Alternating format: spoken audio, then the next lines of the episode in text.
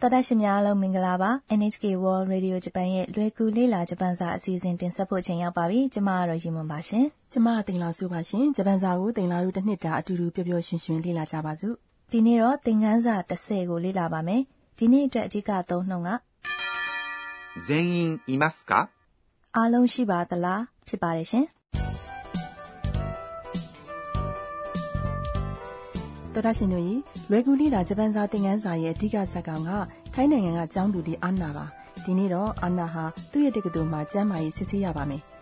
ကျောင်းသူကျောင်းသားတွေအားလုံးဟာကျမ်းမာရေးစစ်ဆေးမယ့်နေရာမှာစုဝေးနေကြပါတယ် အခုသင်ခန်းစာ30ရဲ့စကားပြောတွေကိုနားထောင်ကြည့်ရအောင်နော်အဓိကအသုံးနှုန်းက 全員いますか အားလုံးရှိပါသလားဖြစ်ပါတယ်ဒီနေရာမှာတော့ကျောင်းသားတွေအားလုံးဒီမှာရှိနေပါသလားလူဆုံးပြီလားလို့မေးတဲ့သဘောပါရှင်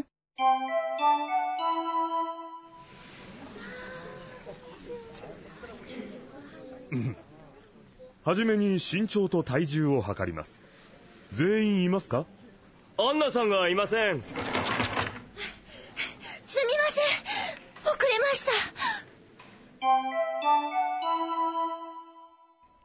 ကဲစကားပြောတွေကိုရှင်းပြမယ်နော်ပမောက္ခဆူဇူကီကကျောင်းသားတွေကိုအခုလိုပြောပါတယ် はじめに身長と体重を測ります。 မြန်မာလိုစီလျောင်ဘာသာပြန်မယ်ဆိုရင်တော့ပထမဆုံးအနေနဲ့အရက်တိုင်းပဲကိုယ်လေးချိန်ချိန်မယ်တဲ့อืมမကတော့လေကိုယ်အလေးတင်ချိန်တိုင်းအမြဲတမ်းတူကီတူကီစိတ်လှုပ်ရှားတယ်ဟဲမသိလားမမိသားပဲအဲ့ဒီစကားလုံးကိုအရင်နေ့တော့ယူမလို့လေ့လာပြီးသားနော်ဟာဂျီမဲနိဆိုတာကတော့ပထမဆုံးရှင်ချောဆိုတာအရက်ထို့ဆိုတာနဲ့လို့အတိတ်ပဲရတဲ့ဝိဘတ်ပါသူကနန်းတွေကိုဆက်သွယ်ပေးတာလေထိုင်ဂျူဆိုတာတော့ကိုယ်လေးချိန်ဝို့ ဆိုတာကကံပြဝိဘတ်ကိုလို့အတိတ်ပဲရပါတယ်ဟာကာဒီမတ်ဆိုတာတိုင်းတယ်တိုင်းမယ်ချိန်တယ်ချိန်မယ်လို့အတိတ်ပဲရတဲ့ကရိယာပါ ပမောက္ခဆူဇူကီဆက်ပြောတာက 全員いますか အားလုံးရှိပါသလားဒါကတော့ဒီနေ့အတွက်အဓိကအသုံးနှုန်းနော်ဇင်းရင်ဆိုတာအားလုံး imas ကမှာပါတဲ့ imas ဆိုတာလူတွေရဲ့တည်ရှိမှုကိုဖော်ပြတဲ့ကရိယာပါ ဒါကတော့ရှိတယ်ရှိမယ်လို့အဓိပ္ပာယ်ရပါတယ်သူ့နောက်မှာခါဆိုတဲ့ဝိဘတ်ပါတဲ့အတွက်မင်းကုန်းဝကြဖြစ်သွားပါတယ်မင်းကုန်းမေးတာဖြစ်တဲ့အတွက်ဝကြရဲ့အဆုံးမှာအတန်ကိုမြင့်ပြီးတော့မေးရမယ်နော်ကဲအတူတူလေ့ကျင့်ရအောင် 全員いますか သင်ခန်းစာခုနှစ်မှာတော့ငါရှိတယ်ရှိမယ်ဆိုတာကိုအာရီမတ်လို့လေ့လာခဲ့တယ်နော်အဲ့ဒီကိရိယာကတစုံတစ်ခုတည်ရှိတာကိုဖော်ပြတာမဟုတ်လားယင်ဒီနေရာမှာအာရီမတ်ကိုမသုံးနိုင်ဘူးလား ဟွန်းသုံးလို့မရဘူးမိုင်အာရီမတ်ဆိုတာ တက်မဲ့အရာဝတ္ထုပစ္စည်းတွေရဲ့တည်ရှိမှုကိုဖော်ပြတာအီမတ်ဆိုတာကတော့လူတွေနဲ့တရိတ်ဆန်တွေလိုမျိုးတက်ရှိတွေရဲ့တည်ရှိမှုကိုဖော်ပြဖို့သုံးတာလीဒါဆိုခွေးရှိတယ်ဆိုတာကိုဂျပန်လိုပြောကြည့်မယ်နော်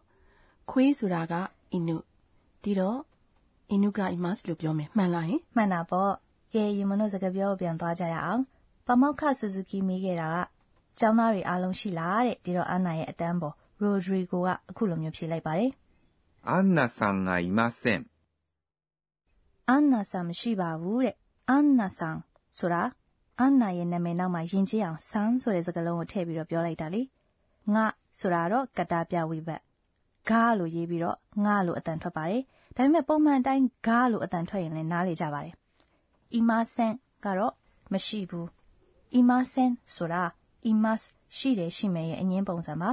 อืมအန်နာကဘာဖြစ်တာလဲ အဲ့ဒီအချိန်မှာပဲလေရုတ်တရက်တကားပွင့်သွားပြီးတော့အန်နာတရအမောတကောရောက်လာပါတယ် すみません、遅れました。 တောင်းပန်ပါတယ်နောက်ကျသွားတယ်တဲ့ဆူမီမဆန်ဆိုတာတောင်းပန်ပါတယ်ဒါမှမဟုတ်တစိတ်လောက်လို့အတိတ်ပဲပြန်လို့ရပါတယ် သင်ခန်းစာခုနှစ်မှာတစုံတစ်ယောက်ကိုစကားပြောချင်တဲ့အခါမှာစမီမဆန်လို့ပြောပြီးတော့စကားစပြောရတယ်လို့လေ့လာခဲ့ဘူးတယ်နော် ဘာကိုလေ့လာခဲ့တာပါလဲ すみません、シュークリームはありますか တစိမ့်လောက်ရှင် ဤကလေးမုတ်ရှိပါသလားဆိုတဲ့အတိတ်ပဲနဲ့လေ့လာခဲ့တာလေဟုတ်ပါတယ်အခုသင်ခန်းစာမှာလိုမျိုးတောင်းပန်တဲ့အခါမှာလည်းအဲ့ဒီစကားလုံးကိုသုံးလို့ရပါတယ်အိုကူရဲမတ်တာဆိုတာကတော့အိုကူရဲမတ်ဆိုတဲ့ကရိယာရဲ့အတိတ်ကာလပြပုံစံပါနောက်ကျသွားတယ်လို့အတိတ်ပဲရပါတယ် mass ပုံစံကရိယာကိုအတိတ်ကာလပြပုံစံပြောင်းခြင်းရင် mass ကို mashta လို့ပြောင်းရပါတယ်ဂျပန်စကားမှာပြီးဆုံးသွားတဲ့လှုပ်ဆောင်ချက်တွေကိုဖော်ပြဖို့ကရိယာရဲ့အတိတ်ကာလပြပုံစံကိုသုံးပါတယ် ကဲမိုင်မိခွန်းတစ်ခုမေးမယ်နော်ကျမစားခဲ့ပြီးပြီဆိုတာကိုဂျပန်လိုဘယ်လိုပြောပါသလဲ อืมစားရဆိုတာက食べますဆိုတော့食べましたလို့ပြောရမှာပေါ့ဟုတ်တယ်မလားယင် မှန်တာပေါ့ ကဲစကားပြောတွေရဲ့အတိတ်ပဲကိုသိသွားပြီဆိုတော့ဒီနေ့လေ့လာခဲ့တဲ့သင်ခန်းစာ30ရဲ့စကားပြောတွေကိုနောက်တစ်ခေါက်ပြန်နှားထောင်ကြည့်ရအောင်နော်ဒီနေ့ရဲ့အဓိကအသုံးနှုန်းက 全員いますか အားလုံးရှိပါသလားဖြစ်ပါတယ်ရှင်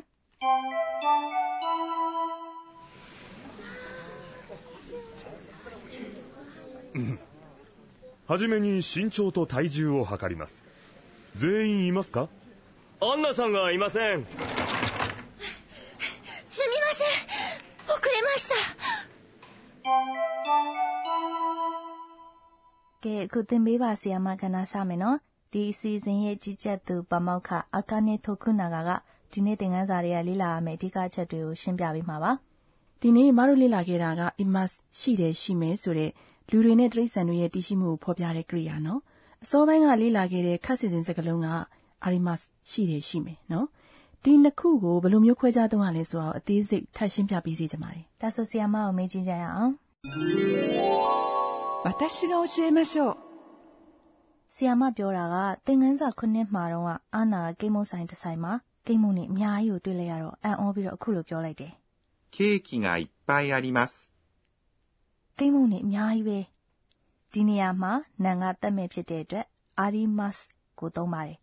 နန်ကတက်ရှိဟုတ်သလားမဟုတ်ဘူးလားဆိုတာတွေမကဘူးသူတို့ရဲ့ဆန္ဒအလျောက်ရွေရှားသွားလာနိုင်သလားဆိုတာကိုပါဆုံးဖြတ်ရတယ်လေဥပမာအပင်တွေဆိုတာတက်ရှိတွေဒါပေမဲ့မလှုပ်ရှားနိုင်ဘူးအဲ့တော့အာရီမတ်ကိုသုံးရပါတယ်နောက်ပြီးတော့ဈေးမှာရောင်းတဲ့ငါးအသေးတွေဆိုရင်လည်းမလှုပ်ရှားနိုင်ဘူးဒီတော့သူတို့ကိုလည်းအာရီမတ်လို့ပဲသုံးရတယ်ဒါပေမဲ့ ရေကန်တွေကငါးကတော့လှုပ်ရှားနိုင်တဲ့အတွက်သူတို့ကို imas လို့သုံးရပါတယ်ဘတ်စကားတွေနဲ့ကားတွေဆိုရင်သူတို့ဆန္ဒနဲ့သူတို့ရွေးရှားဖို့မဖြစ်နိုင်ဘူးဒါပေမဲ့ရင်မောင်းသူရှိနေတယ်ဆိုရင်တော့ imas ကိုသုံးပါတယ်အချင်းချုပ်ပြောရရင်လူတွေနဲ့တရိษံတွေရဲ့တည်ရှိမှုကိုဖော်ပြတဲ့ကရိယာဟာ imas ရှိတယ်ရှိမယ်လို့အဓိပ္ပာယ်ရတယ်အငင်းပုံစံကတော့ imasen မရှိဘူးဖြစ်ပါတယ်သက်မဲ့တွေရဲ့တည်ရှိမှုကိုပြောပြတဲ့အခါမှာ arimas ကိုသုံးပါတယ် ဒါလည်းရှိတယ်ရှိမယ်ဆိုတဲ့အဓိပ္ပာယ်ပါပဲအငင်းပုံစံကတော့ arimasen မရှိဘူးဖြစ်ပါတယ်ရှင်ဒီနေ့အတွက်သင်ပေးပါဆီယာမကဏ္ဍကတော့ဒီလောက်ပါပဲ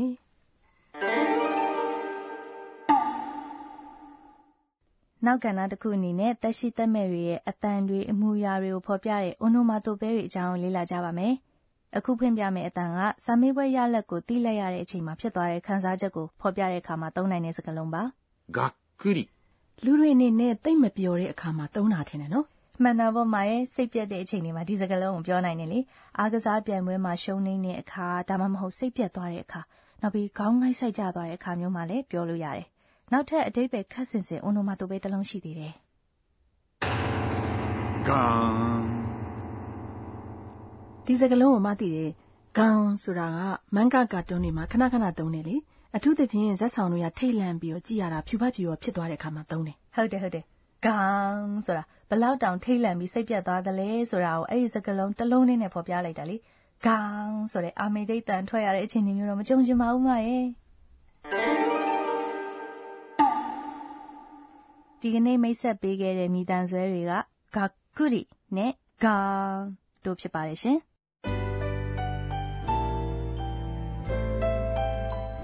ခုနောက်ဆုံးတနေ့တာဖြစ်ပျက်ခဲ့တာတွေကိုပြန်စင်းစားသုံးသပ်တဲ့အာနာရဲ့တီးတို့ရေရွတ်တန်ကဏ္ဍကိုတင်ဆက်ပါမယ်။ဟေတိုယောဝါဟွန်းဒီနေ့တော့ကျမနည်းနည်းလေးနောက်ကျသွားတာ။ဒါပေမဲ့ဂျပန်မှာလူစုတဲ့အခါမှာနောက်ကျမှရောက်တဲ့သူအယုံကြည်မရှိရဘူးဆိုတာသိလိုက်ရတယ်။ကာကဲတော်တာရှင်တို့ရေသင်ခန်းစာ30ကိုလေ့လာရတာနှစ်သက်ပါရဲ့လား။ ဒီနေ့ရဲ့အဓိကအသုံးနှုန်းက 全員いますか အားလုံးရှိပါသလားဖြစ်ပါတယ် ဒီနေ့လေ့လာခဲ့တာကလူသားတွေတိရစ္ဆာန်တွေရဲ့တည်ရှိမှုကိုပြောမယ်ဆိုရင် imas ကိုသုံးပါတယ်။ arimas ဆိုတာတော့တတ်မဲ့တွေရဲ့တည်ရှိမှုကိုပြောခြင်းရင်သုံးပါတယ်။ဒီစကားလုံးနှလုံးကိုအတူတွဲပြီးတော့မှတ်ထားပါနော် နောက်လာမယ့်သင်ခန်းစာကအာနာကစခုရာကိုပါတီပွဲလာဖို့ဖိတ်တဲ့အကြောင်းပါ ။နောက်သင်ခန်းစာမှာပြန်တွေ့ကြမယ်နော်။ 次回もお楽しみに。